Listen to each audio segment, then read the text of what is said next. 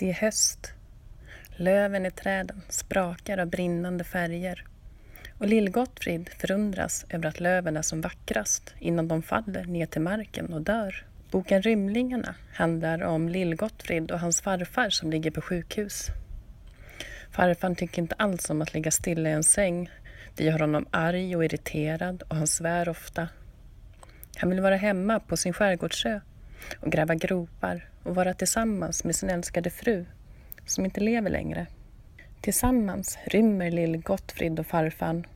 De skulle nämligen aldrig ha fått åka för lill-Gottfrids pappa en sista gång till farfans skärgårdsö och huset som han byggt med sina egna händer. De dricker lemonad och pilsner, gör brasa, tar upp potatis ur grannens land och äter varsamt av den sista burken med lingonsylt som Lill-Gottfrids farmor gjort. Rymlingarna är en kapitelbok om vänskap, om tankar kring livet och döden, om olikheter mellan människor och ett fantastiskt äventyr. Ulf Stark har skrivit boken och illustrationerna har Alma-pristagaren Kitty Crowther gjort.